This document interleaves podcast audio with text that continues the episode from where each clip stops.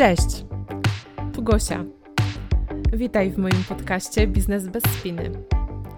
Jeśli chcesz budować swoją firmę wokół swojego życia, a nie życie wokół firmy, to ten podcast jest dla Ciebie. Znajdziesz tu sporo inspiracji ode mnie i moich gości. Zapraszam.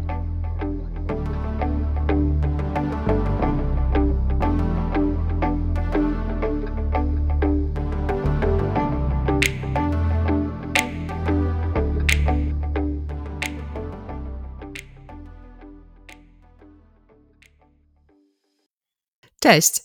W dzisiejszym odcinku goszczę Agnieszkę Mikos, certyfikowaną moderatorkę Design Thinking, facylitatorkę i absolwentkę kursu User Experience Design.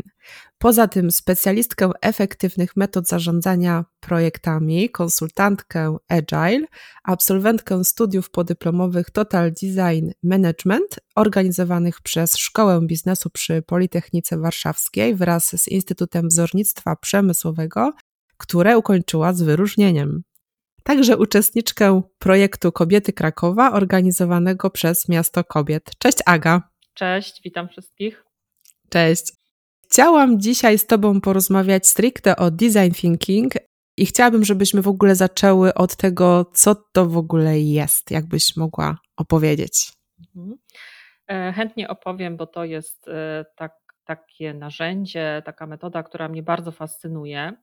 E, myślę, że właśnie dla tego typu ludzi jak ja e, jest to świetne, świetna rzecz, dlatego że e, ja jestem taką osobą, która bardzo lubi mm, kreować różne rzeczy, wymyślać. Interesuje mnie generalnie właśnie rozwijanie swojej kreatywności. Mhm.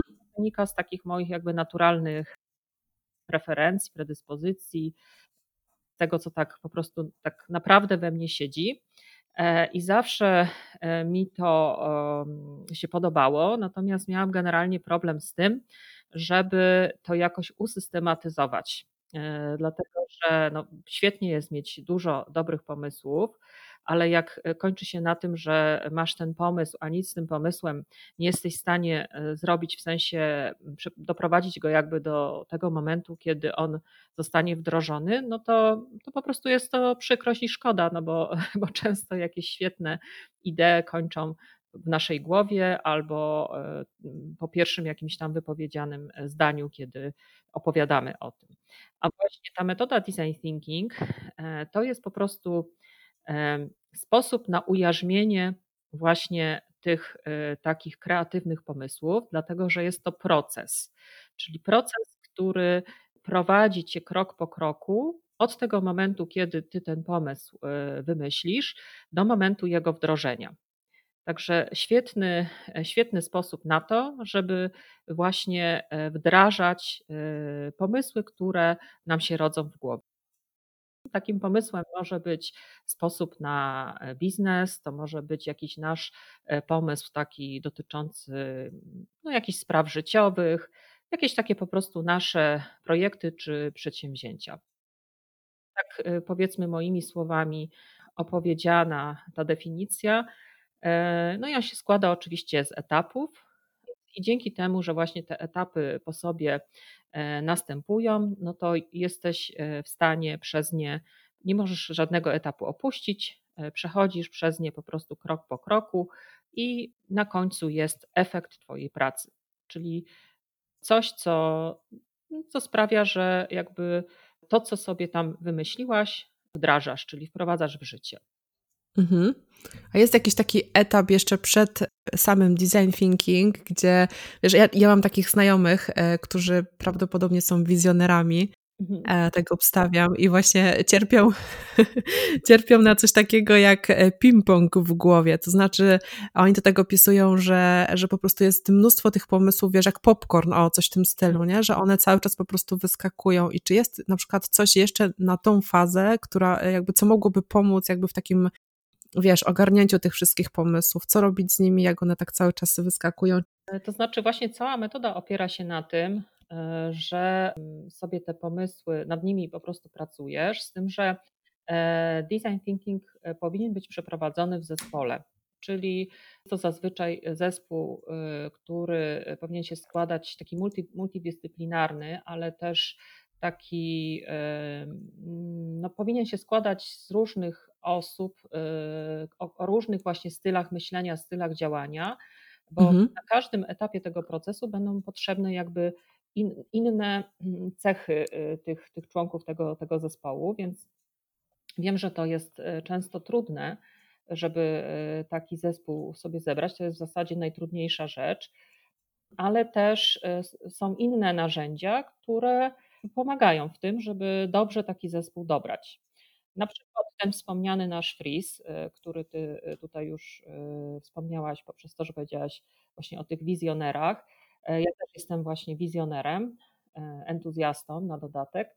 I właśnie ten freeze, gdyby zastosować go do tworzenia tego zespołu, to można poprzez przebadanie tych osób stwierdzić, na jakim etapie która osoba będzie bardziej przydatna, bo wiadomo, że zespół będzie pracował cały czas, ale ktoś będzie jakby mm, może, może się bardziej wykazywać na początku lub w trakcie tego całego projektu, czy też przy, podczas już samego wdrożenia.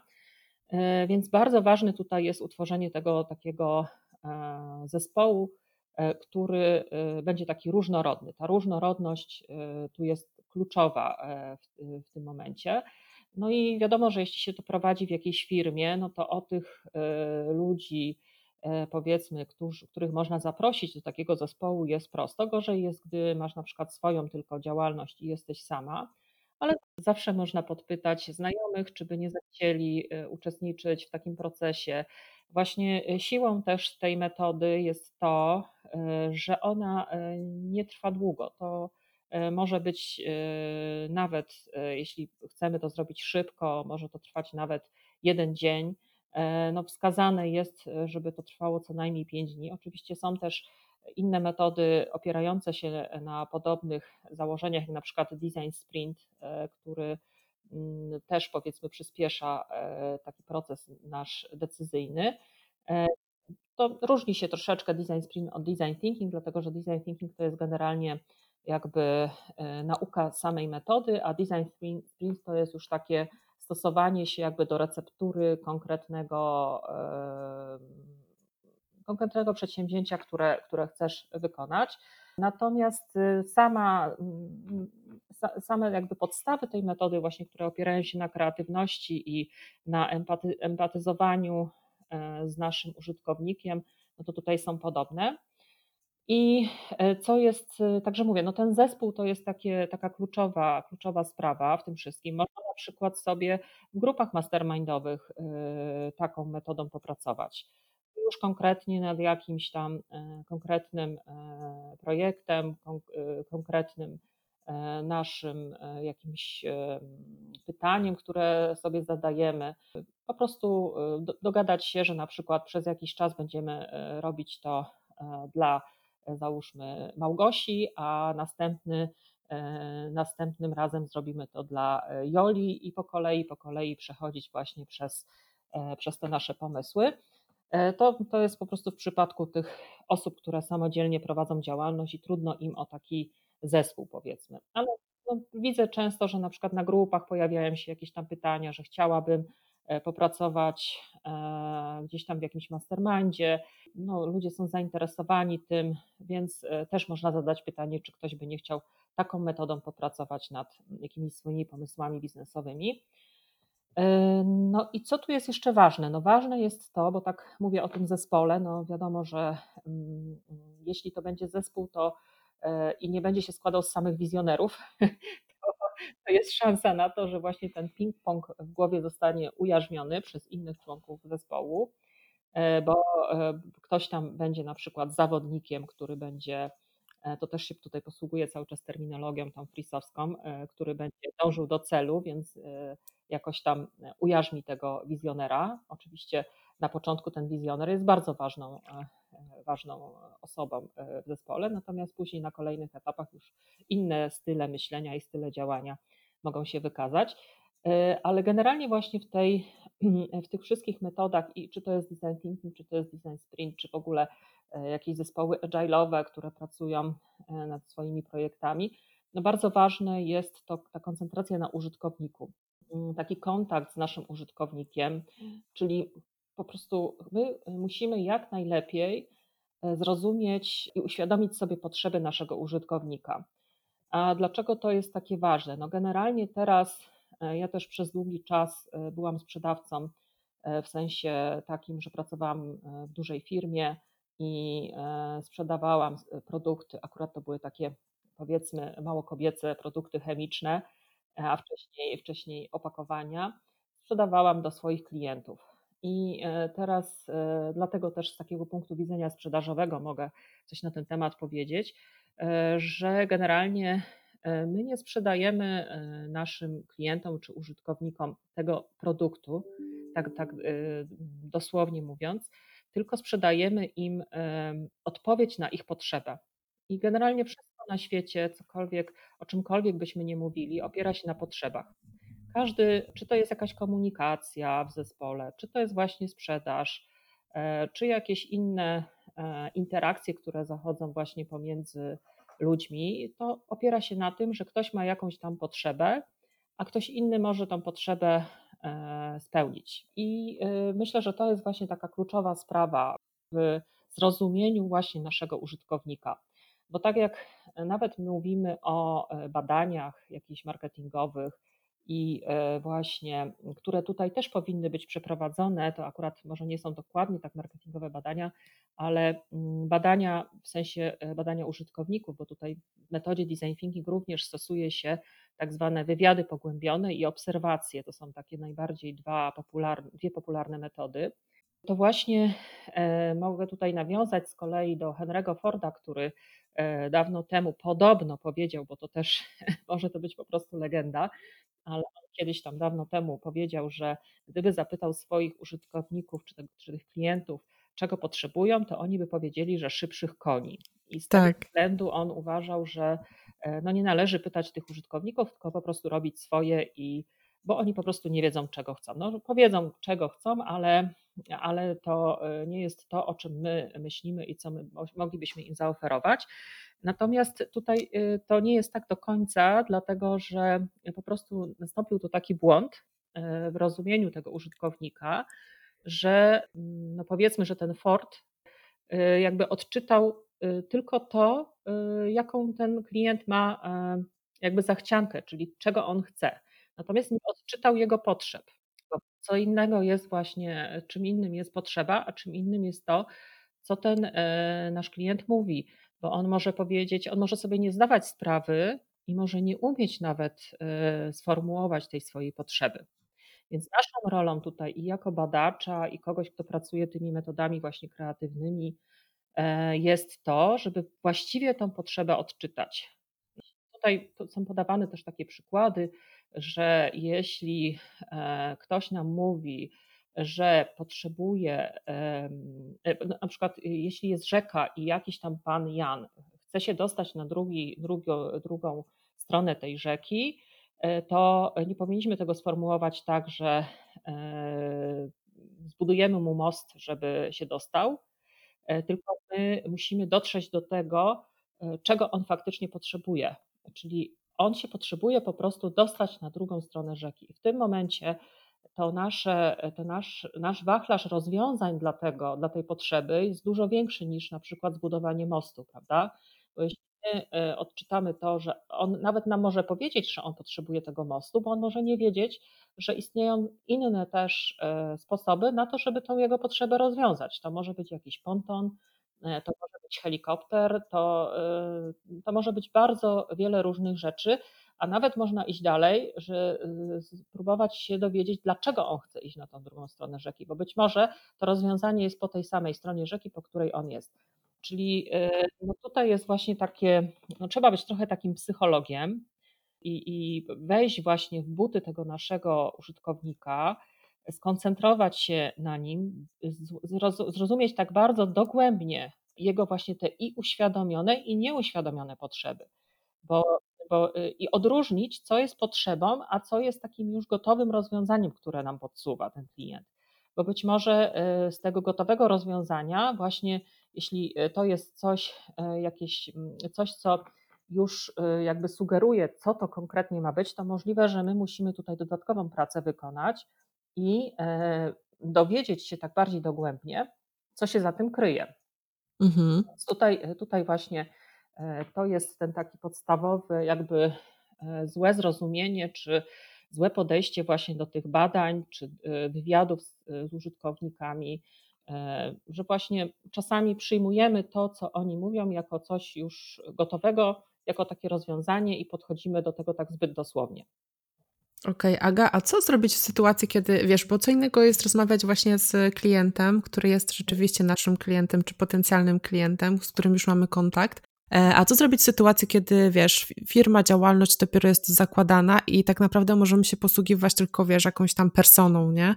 Jakby co, co w tej sytuacji, jeżeli chodzi o takie badanie potrzeb? Tej sytuacji, no to przede wszystkim, no na pewno przynajmniej wiesz już, w jakim temacie chciałabyś działać, prawda? Mhm. Będzie to, czy to będzie jakaś gastronomia, czy to będzie rynek wydawniczy, czy to będą szkolenia. E, no, musisz po prostu, przynajmniej powinnaś to wiedzieć, bo to nie może być tak, że pomyślisz sobie, no chcę co, robić cokolwiek, no bo cokolwiek to znaczy nic. Więc jeśli już będziesz miała określone to właśnie e, w, jakim, w jakiej dziedzinie, w jakiej branży będziesz chciała działać, e, to już możesz zacząć prowadzić jakieś tam obserwacje czy, czy badania. Firma IDEO, która jest twórcą metody design thinking, ona właśnie preferuje na, w, wielu, w wielu takich projektach właśnie obserwacje. Czyli na przykład, jeśli ty załóżmy, że e, wymyślisz sobie, że chciałabyś produkować, mm, załóżmy jakieś no, rowery, no, tak już strzelam w tej chwili, e, no to po prostu wystarczy poobserwować, rozejrzeć się wokoło i poobserwować ludzi, którzy z tego korzystają.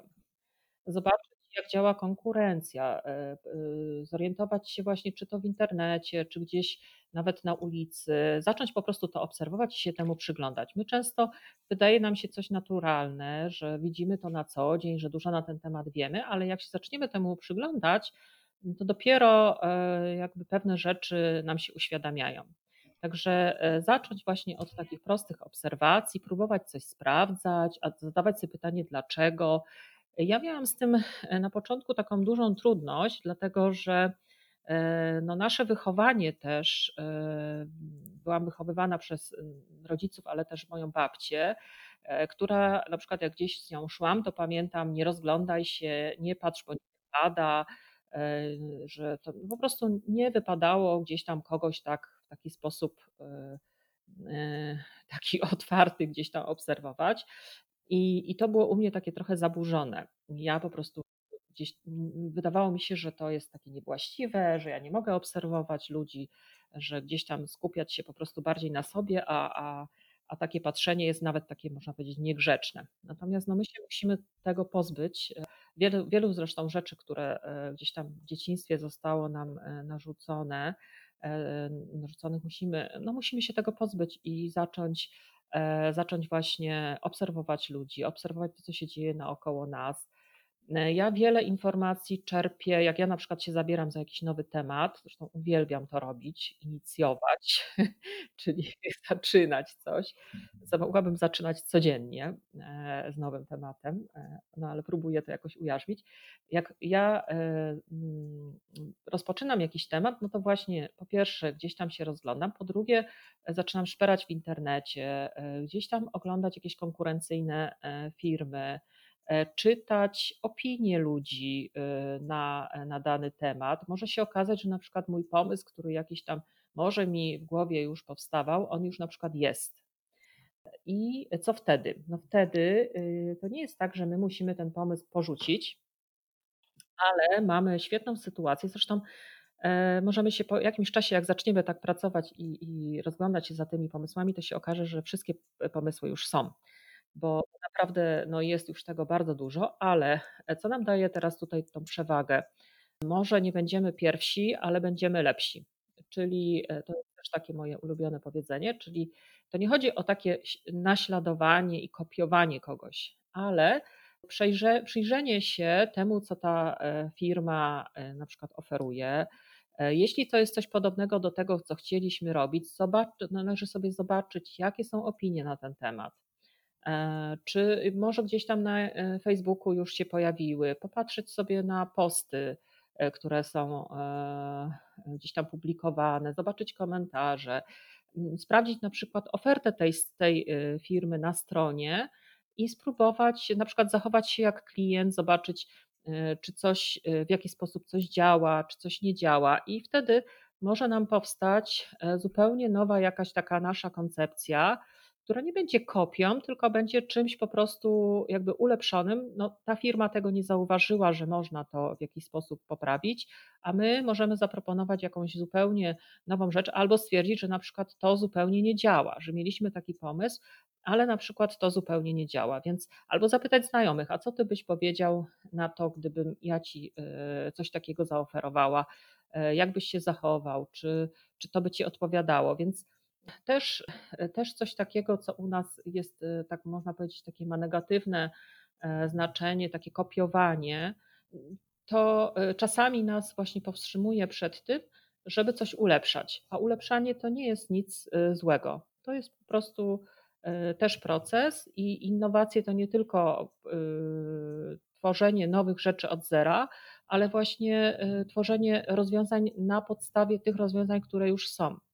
Mhm. Tutaj mamy jakby gotowe, coś gotowego, co po prostu wystarczy tylko dobrze się temu przyjrzeć, gdzieś tam z kimś porozmawiać na ten temat, sprawdzić i możemy mieć jakieś zupełnie nasze nowe, nowe rozwiązanie, które oferujemy. Także tutaj też e, to jest właśnie ważne, e, żeby, żeby pozbyć się tego takiego podejścia, że ja kopiuję, czy, czy, czy nie wiem, odgapiam od kogoś, bo, bo to też nie, nie na tym polega i do tego na pewno nie, nie zachęcam. Jeszcze jedną sprawą, która właśnie też wynika z naszego wychowania, i ja to obserwuję na warsztatach, jak prowadzę mm, ten design thinking, to jest też, e, blokuje to ludzi właśnie podczas e, burzy mózgu i podczas takich procesów kreatywnych, kiedy boimy się mówić o naszych pomysłach, dlatego że ktoś powie, że to jest głupie, e, mhm. że ktoś nas krytykuje, że ktoś pomyśli sobie coś o nas, że my, co my tutaj opowiadamy. I, I to też no, wynika z naszego wychowania, trochę z edukacji, gdzie w szkole, no wiadomo, byliśmy też tak wychowywani, że się dostawało oceny, jak coś było źle, to było źle i pała, a jak coś było dobrze, no to tam lepszą ocenę, więc też, ta, też to, tego należy się też tutaj wyzbyć. I to jest rola też właśnie moderatora, bo tutaj e, nie wspomniałam o, tym, o tej osobie, która jest moderatorem właśnie e, w tym całym procesie, żeby e, spróbować właśnie ten zespół zachęcić do tego, aby się pozbyli takich, jakiegoś takiego lęku, strachu przed dzieleniem się nawet czasami szalonymi jakimiś pomysłami, bo z tych szalonych pomysłów często tworzą się świetne rozwiązania. Tutaj kolejna rzecz, na którą chciałam zwrócić uwagę i e, no i myślę, że to by było, jeśli o sam początek chodzi, to, to tyle, bo tak jak wspomniałam, ten, to, ca, to, to całe narzędzie, ta cała metoda składa się E, z etapów. No i na początku następuje właśnie ten etap e, empatyzacji, czyli w tym momencie wchodzimy w but tego naszego klienta i e, próbujemy jak najbardziej, jak najlepiej go poznać. Mogą to być oczywiście nasze jakieś tam założenia na temat tego, tej naszej persony, które będą weryfikowane też w trakcie tego procesu. To nie jest tak, że E, że jak go już sobie stworzymy, no to, to, już, e, to już po prostu koniec i, i nic innego nie, nie możemy zrobić. Wszystko tutaj, wszystkie nasze założenia możemy e, w jakiś sposób weryfikować. I to jest w zasadzie ten pierwszy etap. Potem następuje definiowanie tego problemu, czyli tak jak mówiłam, to, tej właśnie potrzeby tego, tego użytkownika. Potem jest etap generowania pomysłów, czyli tworzenia rozwiązań do tych potrzeb poprzez właśnie takie jest regułka, którą się stosuje i, e, i po prostu tworzy się zdania e, właśnie za pomocą tej regułki. To pomaga też w otwieraniu jakby naszej głowy do tego, żeby e, tych pomysłów tworzyć jak najwięcej i żeby one były ciekawe.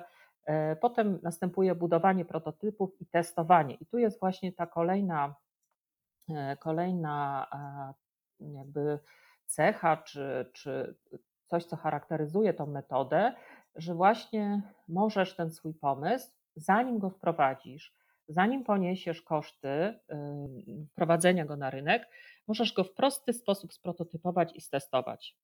Czyli mm, jak wybierze się już ten e, pomysł, który chce się, nad którym chce się pracować, tworzone są bardzo proste prototypy, takie papierowe wręcz. E, czy można coś narysować, e, nawet odegrać jakąś tam scenkę, jeśli to będzie jakaś usługa na przykład, i której nie da się dokładnie stworzyć, taki, zamknąć w jakimś takim produkcie fizycznym, no to można odegrać jakąś tam scenkę i następuje testowanie tego Twojego pomysłu, czyli za pomocą właśnie takich prostych, y, prostych prototypów, czyli unikasz już tego y, elementu właśnie takiego kosztotwórczego, kiedy wprowadzasz coś na rynek, okazuje się, że coś nie działa i musisz wrócić do poprzedniego etapu. To jest y, generalnie metoda właśnie, która zawiera taką iterację, czyli powracanie do, do poprzednich etapów.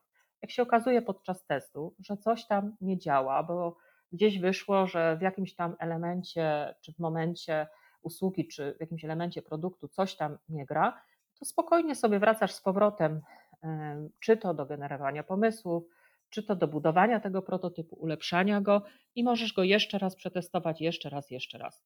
I na końcu, bo to właśnie to nie jest tak, że to jest, y, idziesz sobie 1, 2, 3, 4, 5 i koniec, tylko możesz wracać i na końcu powstaje ci coś, co już ma jakieś ręce i nogi i e, może być spokojnie już wprowadzone, bo pewne rzeczy już zostały wyeliminowane, które nie działały, a na przykład dodane te, które, na którym komuś tam, e, czy naszemu użytkownikowi zależy. Także dlatego też to takie właśnie skrócenie tego czasu, kiedy, jak, kiedy testujesz ten swój pomysł, i zaoszczędzenie pieniędzy przede wszystkim, bo robisz to poprzez właśnie w krótkim czasie i poprzez y, właśnie proste prototypy i, i proste testy. To jest też bardzo duża zaleta, zaleta tej metody. A czy w takim razie design thinking ma jakieś minusy? No wiesz co, y, ja myślę, że metoda y, jako taka nie ma minusów. Mhm. Natomiast mogą się pojawić błędy takie, że na przykład będzie faktycznie źle dobrany zespół, albo e, że będzie źle zdefiniowany problem, bo e, zdefiniowanie problemu to jest tutaj najważniejsza e, rzecz, najważniejszy jakby etap tego, tego procesu.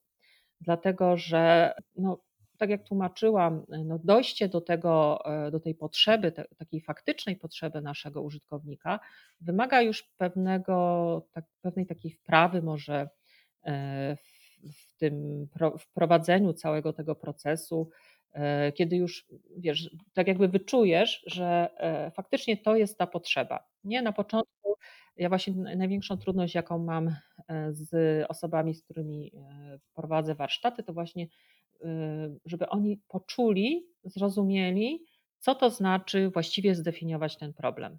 Czyli żeby nie proponowali gotowych rozwiązań. Jest bardzo duże tutaj ciśnienie na to, żeby od razu rzucać rozwiązaniami. A my nie mamy tutaj y, proponować rozwiązań, tylko mamy zdefiniować ten problem, zdefiniować tą potrzebę. I dlatego się tak bardzo empatyzuje, dlatego się tak bardzo wchodzi w but tego klienta, żeby właśnie go zrozumieć. Bo on nawet może sobie, tak jak na początku wspominałam, że, że tutaj e, próbujemy zdefiniować jego uświadomione i nieuświadomione potrzeby. On nawet może sobie nie zdawać sprawy z tego, czego on naprawdę potrzebuje. On będzie mówił, jakimiś tam swoimi odczuciami, będzie operował takimi już właśnie gotowymi rozwiązaniami, a my musimy, naszą rolą tutaj jest dowiedzieć się, co się za tym kryje, czyli to odkrycie tego, co się za tym kryje, to jest, to jest taki problem, kiedy e, może powstać taka sytuacja, że źle zdefiniowany problem prowadzi do złego rozwiązania. No i wtedy trzeba wrócić po prostu do, do początku i, i zastosować to jeszcze raz.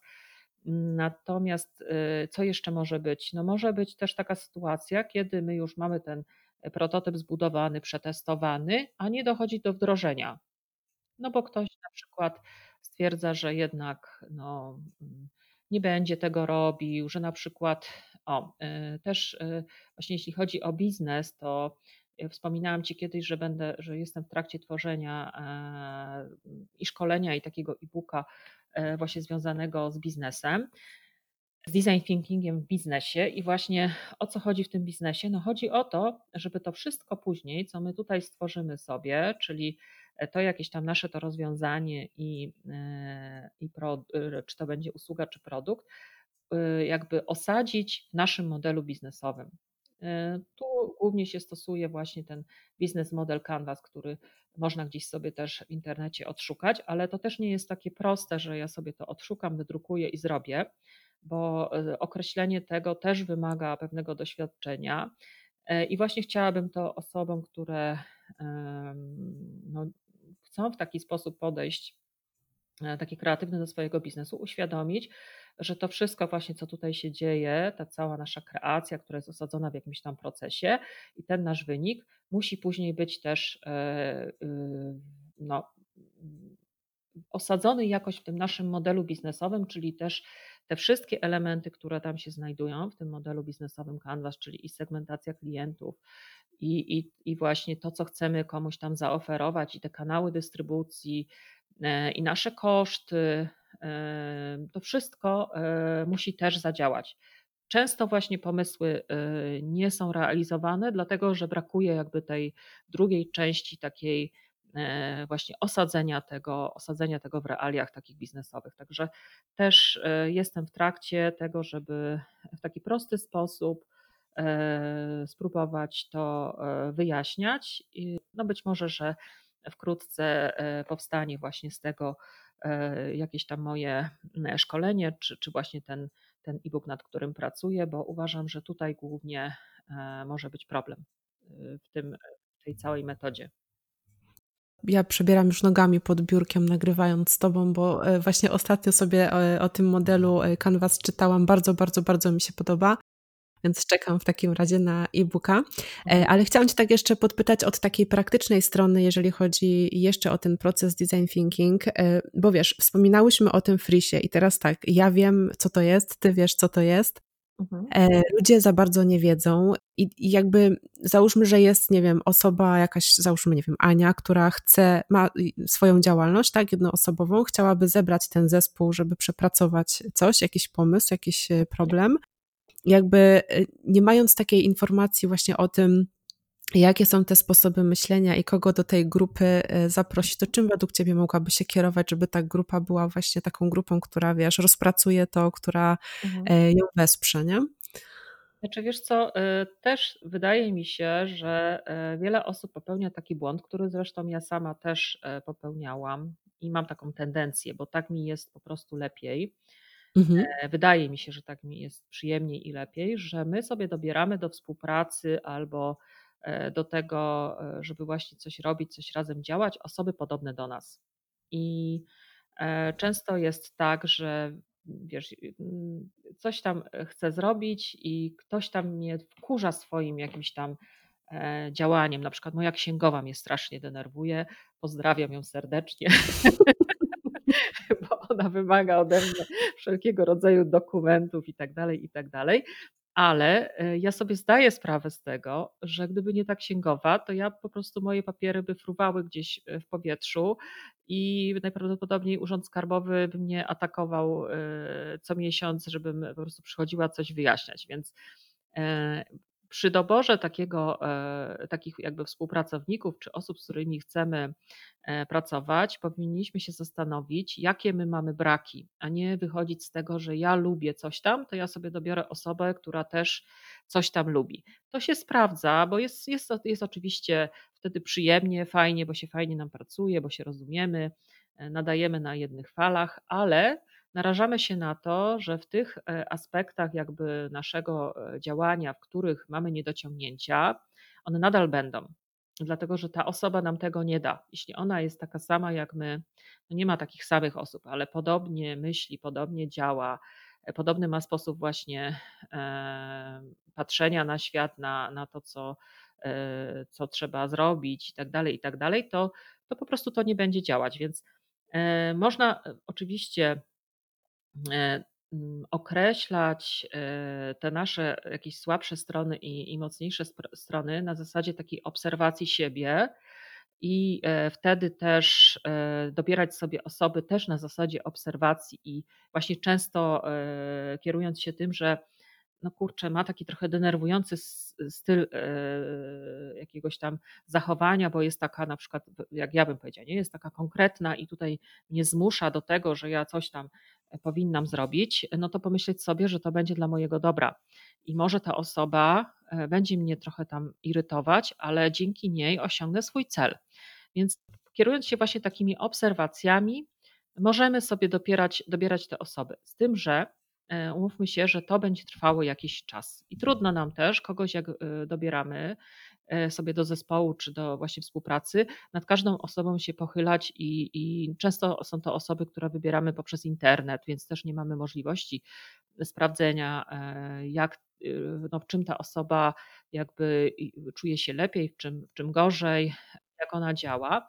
Więc, więc takie badania, jak na przykład Freeze czy, czy Gallup, czy inne, E, inne narzędzia e, badające nasze właśnie e, mocne strony i słabsze, przyspieszają cały proces. Czyli w momencie, gdy na przykład jest jakiś zespół i my sobie kogoś, wszystkich tam z tego zespołu przefrisujemy, albo zrobimy jakiegoś tam galupa czy inne E, in, czy skorzystamy z jakiegoś innego narzędzia. Ja innych do, do, końca nie znam, więc nie mogę powiedzieć.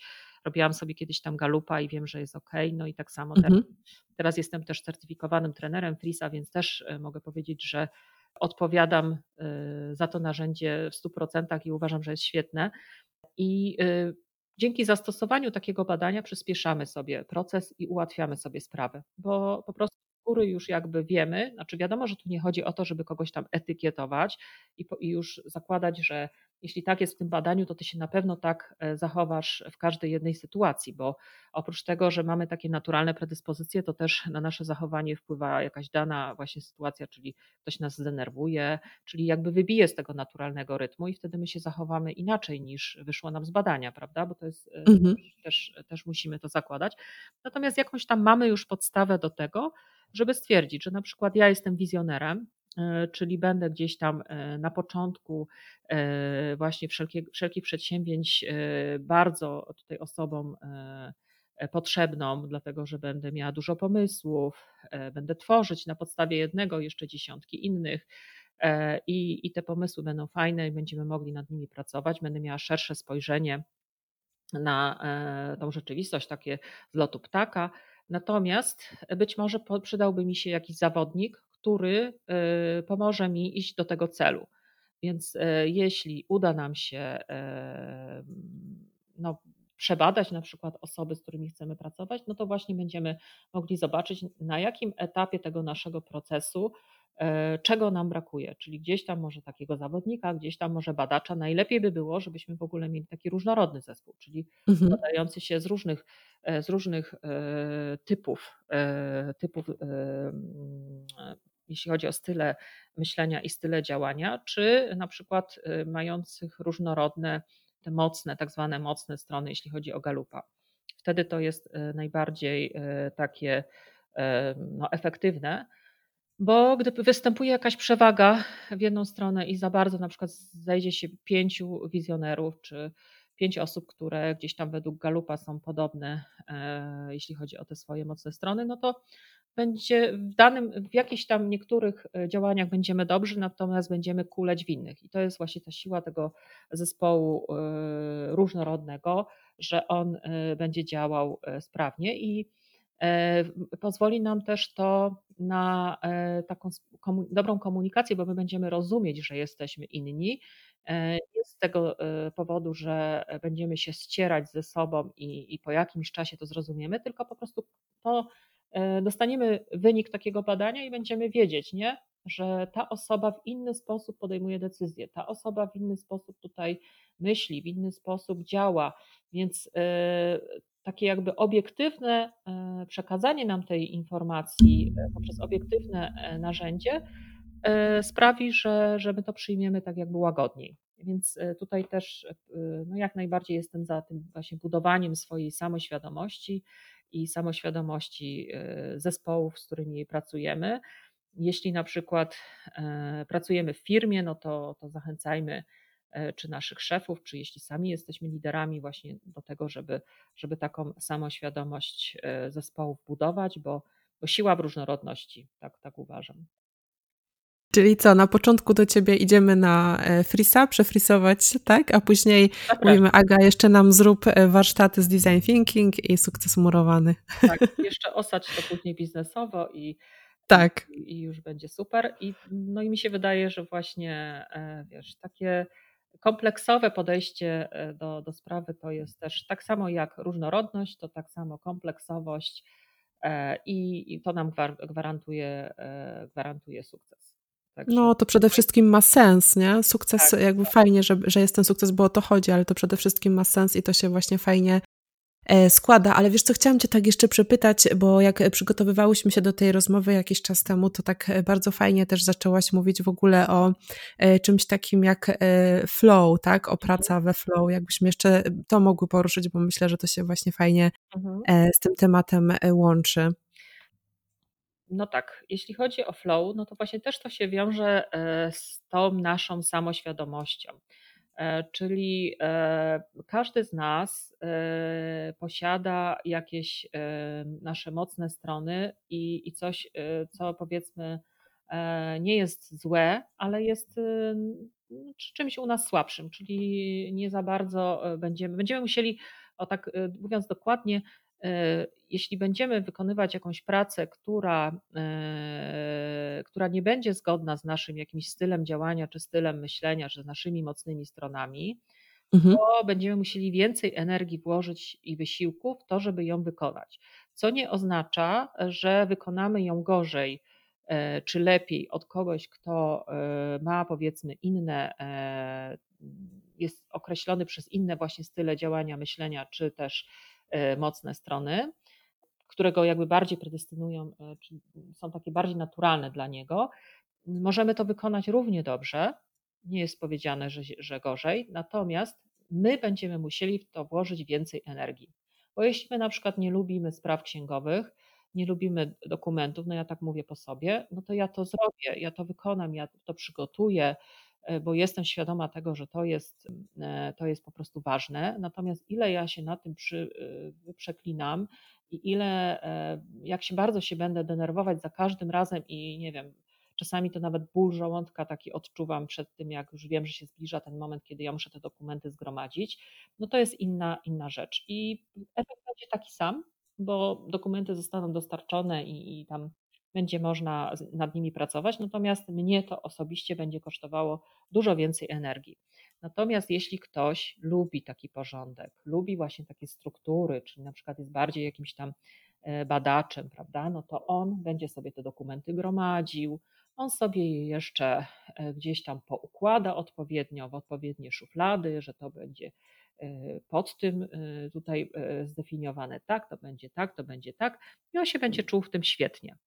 I dla niego to będzie tak naturalne, że on będzie właśnie robił to w tak zwanym stanie flow. Tak jak ja na przykład robię w stanie flow, e, e, załóżmy, wymyślam różnego rodzaju pomysły, dla mnie to jest e, naturalne i ja będę wtedy bardzo szczęśliwa, będę czuć ekscytację, będę zadowolona, no to wtedy ja to robię właśnie w tym stanie flow, czyli w stanie takim kiedy y, to, co robię, sprawia mi przyjemność. I wtedy dużo mniej energii będę musiała wkładać, dlatego że to będzie tak dla mnie naturalne, że ja po prostu wstanę rano i mogę już wymyślić 5 czy 10 pomysłów na e, jakieś tam rozwiązanie. Zresztą ja w ogóle już mam taką tendencję, że jak ktoś mi coś mówi, to ja już mam dla niego ileś tam pomysłów, czy ktoś mnie prosi, czy nie prosi, to, to, to po prostu tak to jest ze mną. A na przykład inne osoby nie lubią wymyślać i na przykład jest im to zupełnie obce, a bardziej się czują właśnie w takich strukturach, prawda?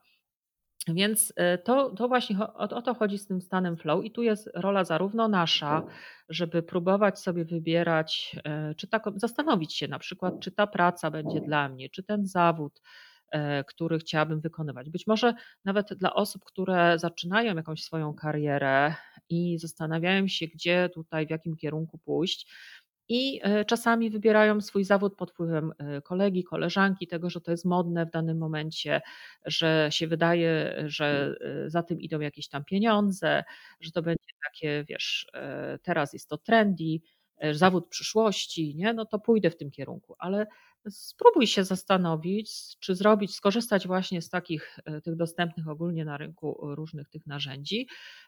Czy to jest twój, czy ty będziesz pracować w stanie flow, będąc w tym zawodzie? Czy to będzie zgodne z Twoimi właśnie takimi naturalnymi stylami myślenia, stylami działania? E, czy to nie będzie po prostu wymagało od Ciebie jakiegoś tam wysiłku? Bo może to jest jakieś Twoje wyobrażenie na ten temat, a nie e, to, co naprawdę, e, jak naprawdę jest. No, mm, a drugą z kolei rzeczą, bo to też ten stan flow Y, można osiągnąć właśnie w zespole, to jest właśnie rola lidera zespołu czy szefa jakiegoś naszego, e, który potrafi e, osadzić tych e, pracowników w odpowiednim właśnie miejscu i dzięki temu osiąga się też efekt takiej synergii, czyli ten zespół będzie dużo lepiej pracował, jeśli właściwe osoby znajdą się na właściwych miejscach. Ja słyszałam o takich przypadkach, że na przykład jakaś pani E, e, która pracowała w księgowości, męczyła się przez 10 lat pracując tam i za bardzo nie wiedziała, co z tym zrobić, no bo no, no, taką szkołę skończyła, bo rodzice mówili, że jak będziesz księgową, to będziesz miała stałą pracę i w ogóle, i w ogóle. I potem się okazało, że ona sobie zrobiła, czy szef jakoś tam e, zdecydował, że zrobi w zespole właśnie takie badanie i ona sobie uświadomiła dzięki temu badaniu, że e, powinna zupełnie inne rzeczy robić. I ten szef akurat był tak, e, wiesz, mm, chciał tym pracownikom, e, chciał dobrze zarządzać tym zespołem, miał taką chęć do tego, że przeniósł ją na inne stanowisko w obrębie tej księgowości, ale na stanowisko wymagające jakby innego, wiesz, stylu, stylu działania i ona odżyła. Mówi, że teraz y, świetnie jej się pracuje, że z przyjemnością przychodzi do pracy. I, I mm, no, że od tego momentu po prostu jej życie się zmieniło y, bardzo i jest bardzo zadowoloną osobą. I dzięki temu, i myślę, że to i dla tego szefa przynosi korzyści, i dla niej. Także zarówno pod kątem tutaj e, wyboru, jakichś naszych wyborów życiowych, jak i jak i e, w takich zarządzania, po prostu w sposobie zarządzania ludźmi gdzieś tam w zespołach, jest to bardzo ważne, żeby ludzie znajdowali się w odpowiednim, e, w odpowiednim miejscu, w tym w jakimś tam procesie, czy, czy właśnie w naszych wyborach, dlatego że to będzie z korzyścią dla wszystkich. Jeśli ktoś się nie będzie męczył, no to będzie, będzie szczęśliwy, będzie, będzie, będzie mu się chciało pracować, będzie lepiej pracował. E, I nie ma, e, i to jest jeszcze tak, bo czasami mi ludzie też zadają pytania, właśnie jak gdzieś tam na jakichś szkoleniach, czy to jest e, o frisie, czy to, czy to jest też o zarządzaniu sobą, budowaniu jakiejś naszej samoświadomości, to zadają mi pytania, no ale od czego jest kształcenie, od czego jest swój rozwój, tak? Że my przecież możemy się rozwijać, jeśli my nie umiemy tam czegoś, to się tego nauczymy. Możemy się tego nauczyć. Ja y, na przykład też miałam taką metodę w pewnym momencie, że wydawało mi się, że nikt nie jest lepiej niczego zrobić e, lepiej ode mnie, więc y, postanowiłam, że będę robić wszelkiego rodzaju kursy i, i będę po prostu niedługo to, to już bym zrobiła kurs pilota i latała, bo wydawało mi się, że w samolocie lepiej też będę to robić niż ten pilot, który, to, który ląduje gdzieś tam po, po telewizji. Mhm. Więc y, można, można tak działać, tylko po co? Po co ja mam się zmuszać do czegoś, e, co mnie e, w ogóle nie interesuje i później robić to właśnie e, z taką niechęcią?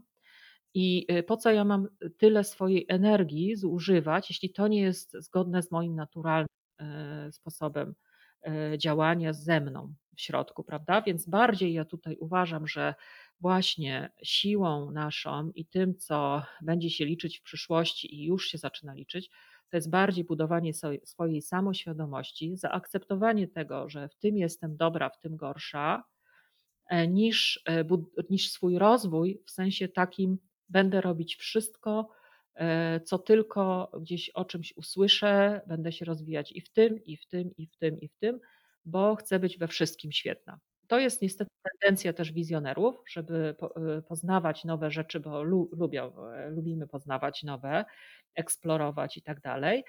Mm, tylko no, trzeba się w tym momencie zatrzymać, no bo życia nam nie starczy, żeby wszystko poznać i może skupić się na tym, co, co robimy najlepiej. Bardziej, że jeszcze dodam, że nie ma złych y, stylów myślenia, stylów działania, ani nie ma złych talentów, ani dobrych, bo nikt nikogo przez te badania nie ocenia. Tutaj nie jest badana ani inteligencja, ani jakieś nasze wartości takie życiowe, tylko po prostu podpowiada ci to, w czym ty jesteś e, dobra, co jest zgodne z Twoją naturą i czy, co możesz wykorzystać, a w czym na przykład będziesz musiała e, bardziej się napracować, żeby to zrobić. Więc y, naprawdę y, budujmy swoją samoświadomość, e, żeby nam było po prostu łatwiej. Będziemy później mogli dokonywać jakichś tam mądrzejszych wyborów, a jeśli będziemy szefami, to też będziemy lepiej zarządzać tymi ludźmi, bo nie będziemy ich zmuszać do czegoś, co jest nienaturalne dla nich. A to będzie no, tylko i wyłącznie z korzyścią dla wszystkich. Czyli rozumiem, że, te, że ty też polecasz pracę, współpracę z coachem? Wiesz co, no coach, wiesz jak się teraz, y, y, różnie się ten coach teraz kojarzy, natomiast sama korzystałam z coacha, z coachingu i bardzo mi to y, dużo dało, dlatego że wiesz, no, szczególnie dla osób, które działają gdzieś samodzielnie i samodzielnie prowadzą jakąś tam swoją działalność, to e, jest taka potrzeba dzielenia się też z innymi, a nie możesz tego zrobić przychodząc rano do biura i pogadać z koleżanką, bo nie masz takiej możliwości, jak mhm. na przykład sama. Więc bardzo polecam e, spotkania z kimś, czy to będzie coach, czy to będzie jakiś mentor, czy, czy jeszcze jakaś inna osoba, czy to będzie jakiś mastermind. Myślę, że to jest bardzo wartościowe, tylko po prostu musimy wiedzieć też, jaki mamy my cel w tym. E, jak my będziemy wiedzieli, jaki jest nasz cel, no to wtedy, e, wtedy będzie nam też łatwiej e, osiągnąć ten cel, bo po prostu sobie, wiesz, ustalimy jakiś tak zwany kontrakt, nie? że dzięki temu, tym spotkaniu chciałabym to i to osiągnąć. No i ta druga osoba też będzie wiedziała, czego ty od niej oczekujesz. Jak najbardziej polecam, ale wiem, że wiele osób może mieć jakieś tam obiekcje, dlatego że tak jak rynek szkoleń został e, zniszczony e, i opinia i tak dalej. E, ostatnio słyszałam właśnie od koleżanki, która mówi, że gdzieś tam kupiła jakieś szkolenie, nie jakaś, nie była to cena jakaś wygórowana, zapłaciła. Okazało się, że było tak beznadziejne, że teraz mówi, że no wiesz, teraz się zastanawiam nad każdą złotówką, którą mam wydać, bo po prostu nie wiem, co mnie czeka. Mówi, że no, wiesz, wszystko trzeba robić właśnie e, tak, że e, żeby to miało ręce i nogi i żebyśmy nie robili czegoś tam na siłę i wbrew sobie, tylko, bo to jest modne, tylko, tylko, tylko też, e, żeby to było jakieś tam zgodne z tym, co czujemy. Mam takie wrażenie, że takie wiesz, że, że się kształtuje takie podejście do biznesu, do życia i w ogóle do działania z sensem, nie? że to tak, już nie jest tak. takie po prostu robienie dla robienia, żeby było zrobione, tylko jednak. Odpowiedzialny. Tak, dokładnie. Mhm. Zauważyłam, bo tak samo, wiesz, no, y, myślę, że wynika to z tego, że tego jest już strasznie dużo. I tak samo jeśli chodzi o projektowanie, e, bo akurat też w, tym, w tej branży no, jestem i, i, i słucham różnych informacji na ten temat, to też y, jest teraz rozwijane takie tak zwane odpowiedzialne projektowanie, tak? Czyli nie projektuje się już wszystkiego, y, żeby, żeby tylko po prostu y, spełniać jakieś tam oczekiwania e, i, i kolejną rzecz zrobić, tylko właśnie ma to być odpowiedzialne planowanie, czyli projektowanie, czyli już takie po prostu przemyślane e, i, i, i już spełniające jakieś takie określone potrzeby, e, które też są w jakiś sposób sprawdzone i przemyślane. Także no w każdej dziedzinie myślę, że w związku z tym, że jest mm, jakby nadmiar wszystkiego, to powinniśmy się zastanowić nad tym, jak robić to dobrze, a nie, a nie po prostu e, byleby tylko coś, byleby tylko coś robić, prawda? Bardzo, bardzo, bardzo fajne wnioski. Na koniec jeszcze chciałam zapytać, podpytać o to, czy mogłabyś wymienić chociaż kilka takich firm w miarę jakichś znanych, kojarzonych, które korzystają z design thinking? E, no tak, my sobie nie zdajemy nawet sprawy, że e, takie zupełnie duże firmy, które działają, e, są to jakieś tam nawet duże korporacje, które działają i dobrze je znamy, że właśnie z tych metod korzystają. Mhm. Czy to jest Google? Google ma nawet jakąś tam swoją metodę bazującą właśnie też na, na właśnie takiej kreatywności.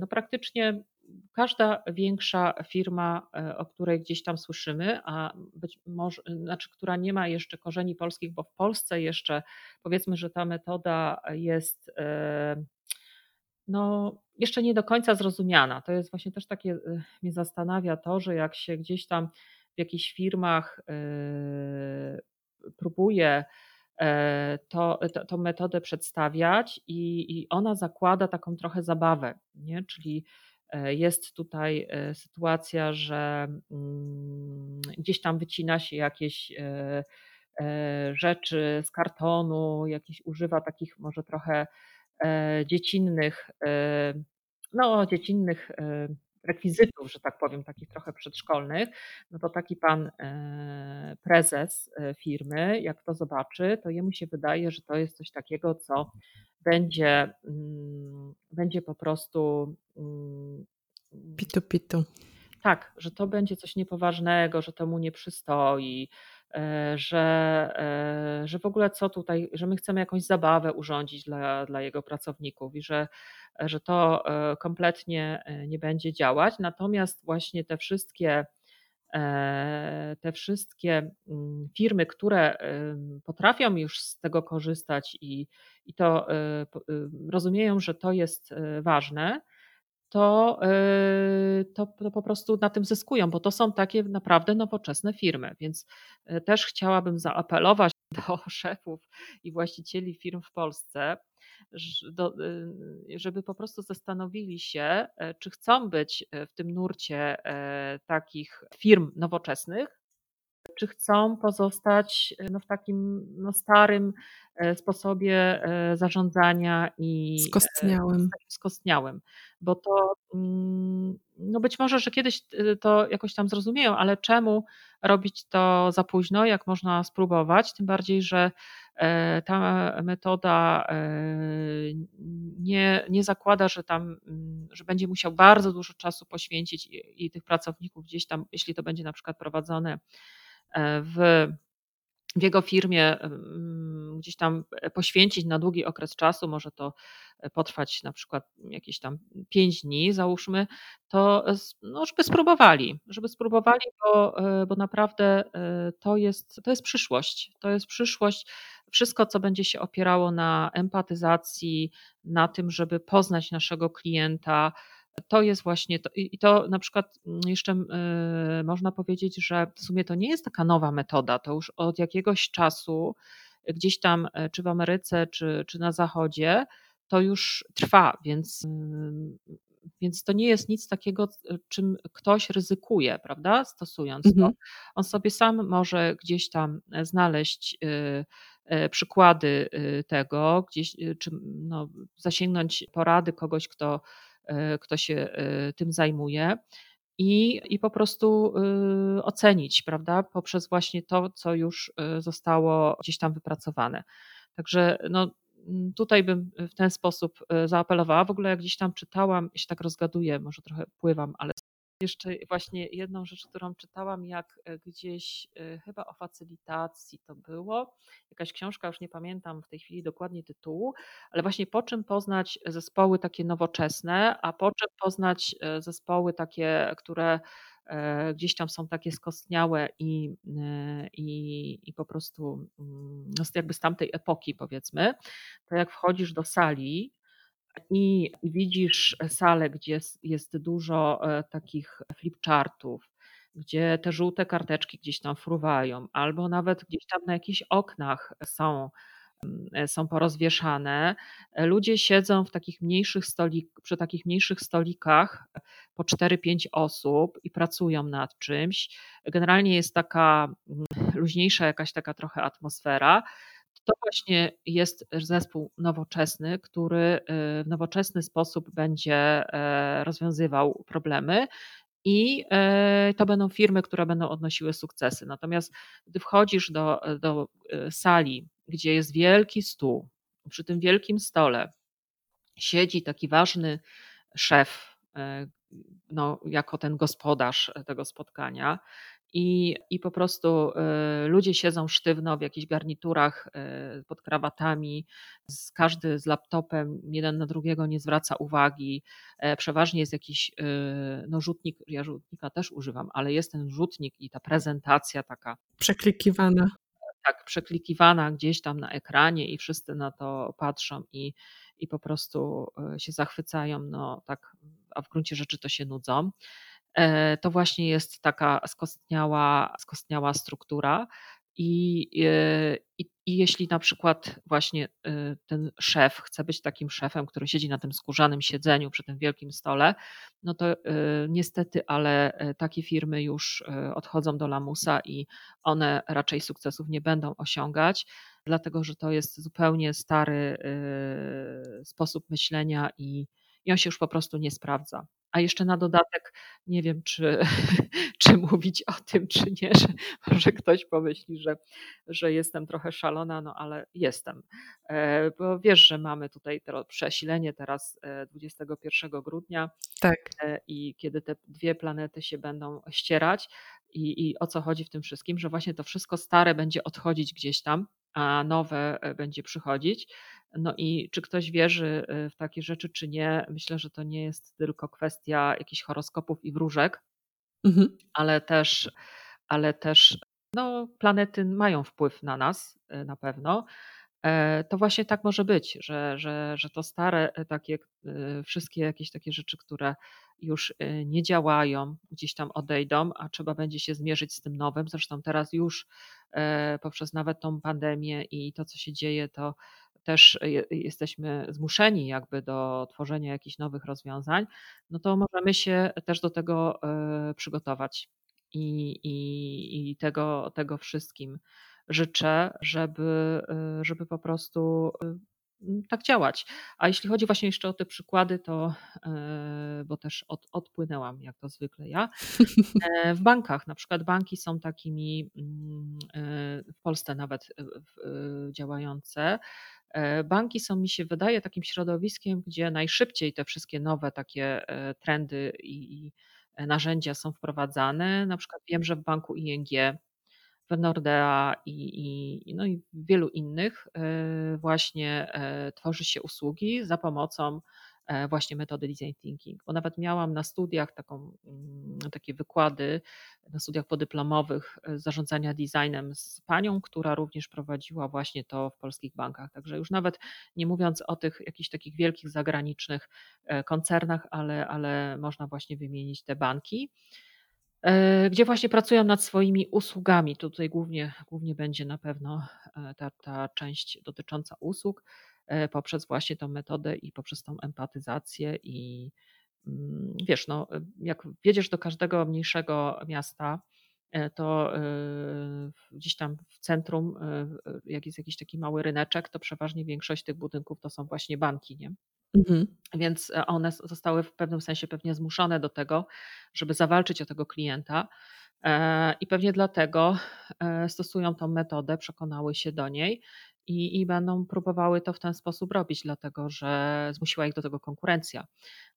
Tak samo jest z każdą jedną rzeczą, która w tej chwili jest yy, tworzona. Yy, musimy sobie zdawać z tego sprawę, że jest bardzo duża konkurencja, więc czym my bardziej zrozumiemy tego naszego użytkownika, i tym lepsze rozwiązanie mu zaproponujemy i tym chętniej on będzie od nas kupował. A jeszcze zapomniałam powiedzieć o jednej rzeczy że właśnie czasami e, te innowacje, które chcemy wprowadzić, no bo tu głównie chodzi właśnie o takie innowacyjne jakieś rozwiązania, to nie są jakieś wielkie i kosztowne rzeczy. E, czasami my sobie nie zdajemy sprawy, że jakaś jedna drobna rzecz, którą możemy poprawić, może przyczynić się do tego, że nasza sprzedaż e, bardzo wzrośnie, bo klient będzie nas inaczej postrzegał. Czasami nie zdajemy sobie sprawy, że na przykład my robimy jakąś taką wielką część naszej pracy i to wszystko jest perfekcyjnie zrobione, bo my to nadzorujemy. A jedna rzecz, która na przykład nie, nie należy do nas, bo gdzieś tam korzystamy z jakiejś tam firmy zewnętrznej, czy e, komuś to zlecamy, na przykład ten ktoś robi to może nawet i nieświadomie e, gorzej. I to jest coś takiego mało skomplikowanego, natomiast podstawowego, na przykład w odbiorze przez klienta. Tak? My to zakładamy, że to jest podstawa, I, I nawet się temu za bardzo nie przyglądamy i tworzymy jakieś super nowe e, rozwiązania, czy, czy poprawiamy nasz produkt, czy poprawiamy stronę, czy nie wiadomo, co tam jeszcze, jakie koszty ponosimy, a poprzez właśnie zastosowanie takiego narzędzia możemy się zorientować, nawet właśnie prowadząc takie wywiady czy obserwacje, może się okazać, że sprawa leży zupełnie gdzie indziej i wystarczy tą rzecz poprawić, tą rzecz komuś wyjaśnić, kto z nami współpracuje, albo Czasami dochodzi do takich drastycznych rzeczy, że może zmienić tą firmę, z którą współpracujemy i się może okazać, że, e, że tutaj tkwił ten, ten błąd i nie wymagał od nas żadnych kosztownych inwestycji, a po prostu poprawił o, o bar, no bardzo e, nasze e, postrzeganie nas przez, przez naszych klientów. Także też dlatego zachęcam do, do tego typu metod. Ja cię tak słucham sobie tak, wiesz co, zanotowałam dwie rzeczy. Zanotowałam sobie taką myśl, że dzięki temu, że staramy się o klientów i o takie trochę wybicie się z rynku, jakby na rynku, to, to co mówiłaś o bankach, mhm. E, i przejście na takie właśnie metody e, jak design thinking, czy właśnie w ogóle badanie tych, e, te, te frisowe czy, czy galupowe, Mhm. to jakby też przekłada się na, takie, y, na taką dobrą pracę w ogóle ludzi w tych firmach, nie? że po prostu im się w ogóle lepiej funkcjonuje, lepiej pracuje, że ta atmosfera jest luźniejsza i to tak naprawdę na tym wszyscy korzystają, nie? Dokładnie, dokładnie. Wszyscy właśnie to jest z korzyścią dla wszystkich, także e, no, mówię, nie, niekoniecznie musimy korzystać z tych e, wszystkich narzędzi, natomiast to na pewno nam skraca czas, e, mhm. oszczędza pieniądze, wbrew pozorom. Może ktoś powiedzieć, że, że nie, ale naprawdę tak. E, I e, daje możliwość, jeśli chodzi o design thinking, przetestowania naszych pomysłów, zanim je wprowadzimy właśnie na rynek, czyli już tutaj możemy wprowadzić jakieś tam zmiany, e, i, i, i które będą na przykład gwarantowały nam sukces.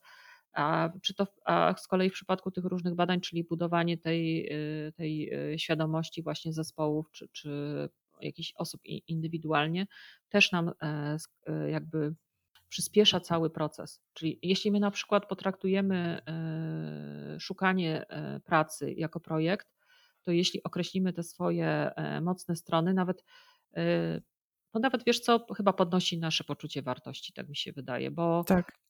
będziesz wiedziała, zrozumiesz siebie. Ja na przykład moje wrażenie po tym, jak zrobiłam sobie w ogóle ten, e, to badanie frisowskie i, i przeczytałam e, wynik, to było o rany, ja jestem normalna.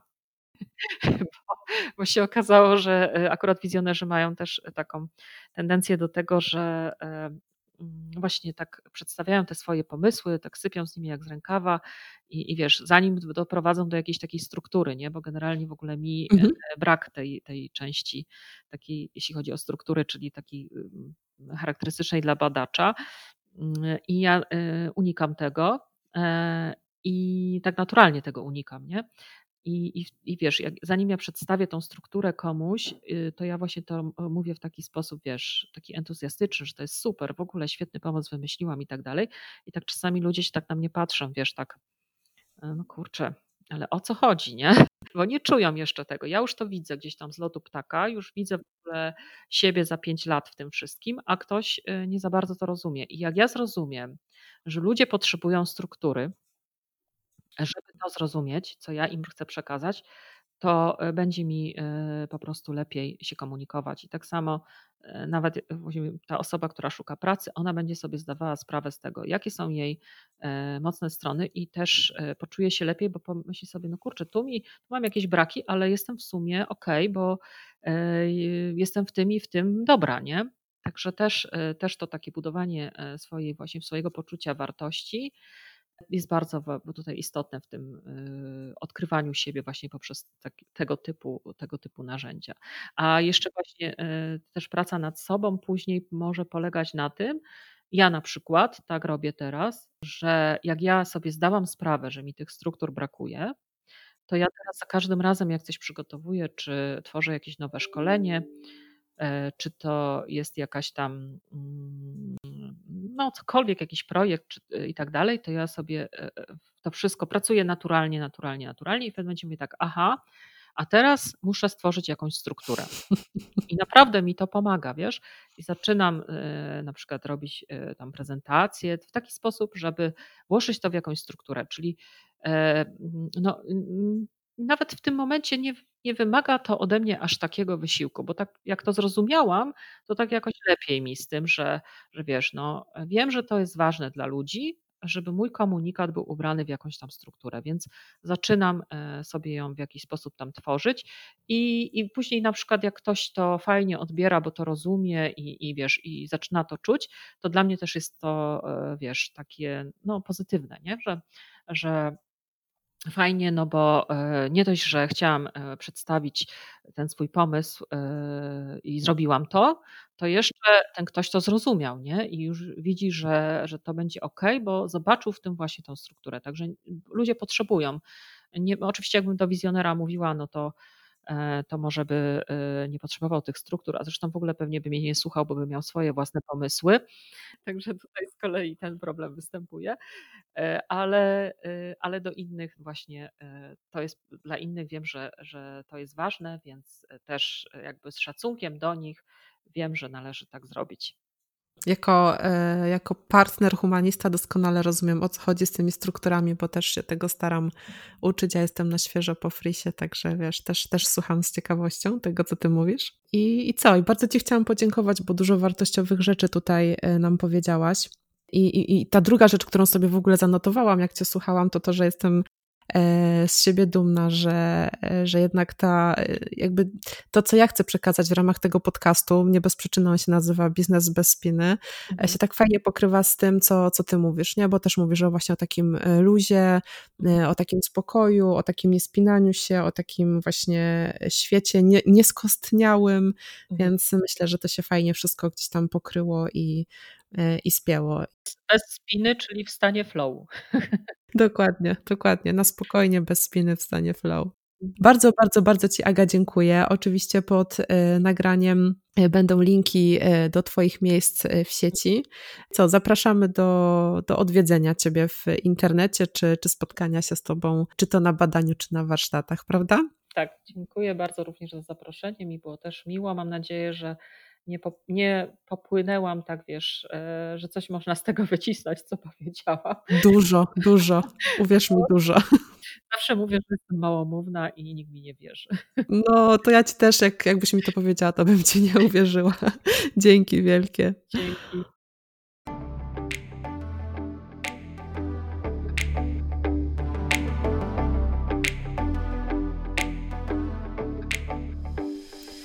Dziękuję Ci za odsłuchanie tego odcinka.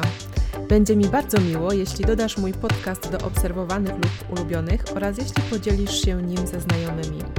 Zapraszam Cię też na moją stronę www.małgorzatagabryś.pl oraz na moje kanały na Facebooku i Instagramie. Do usłyszenia!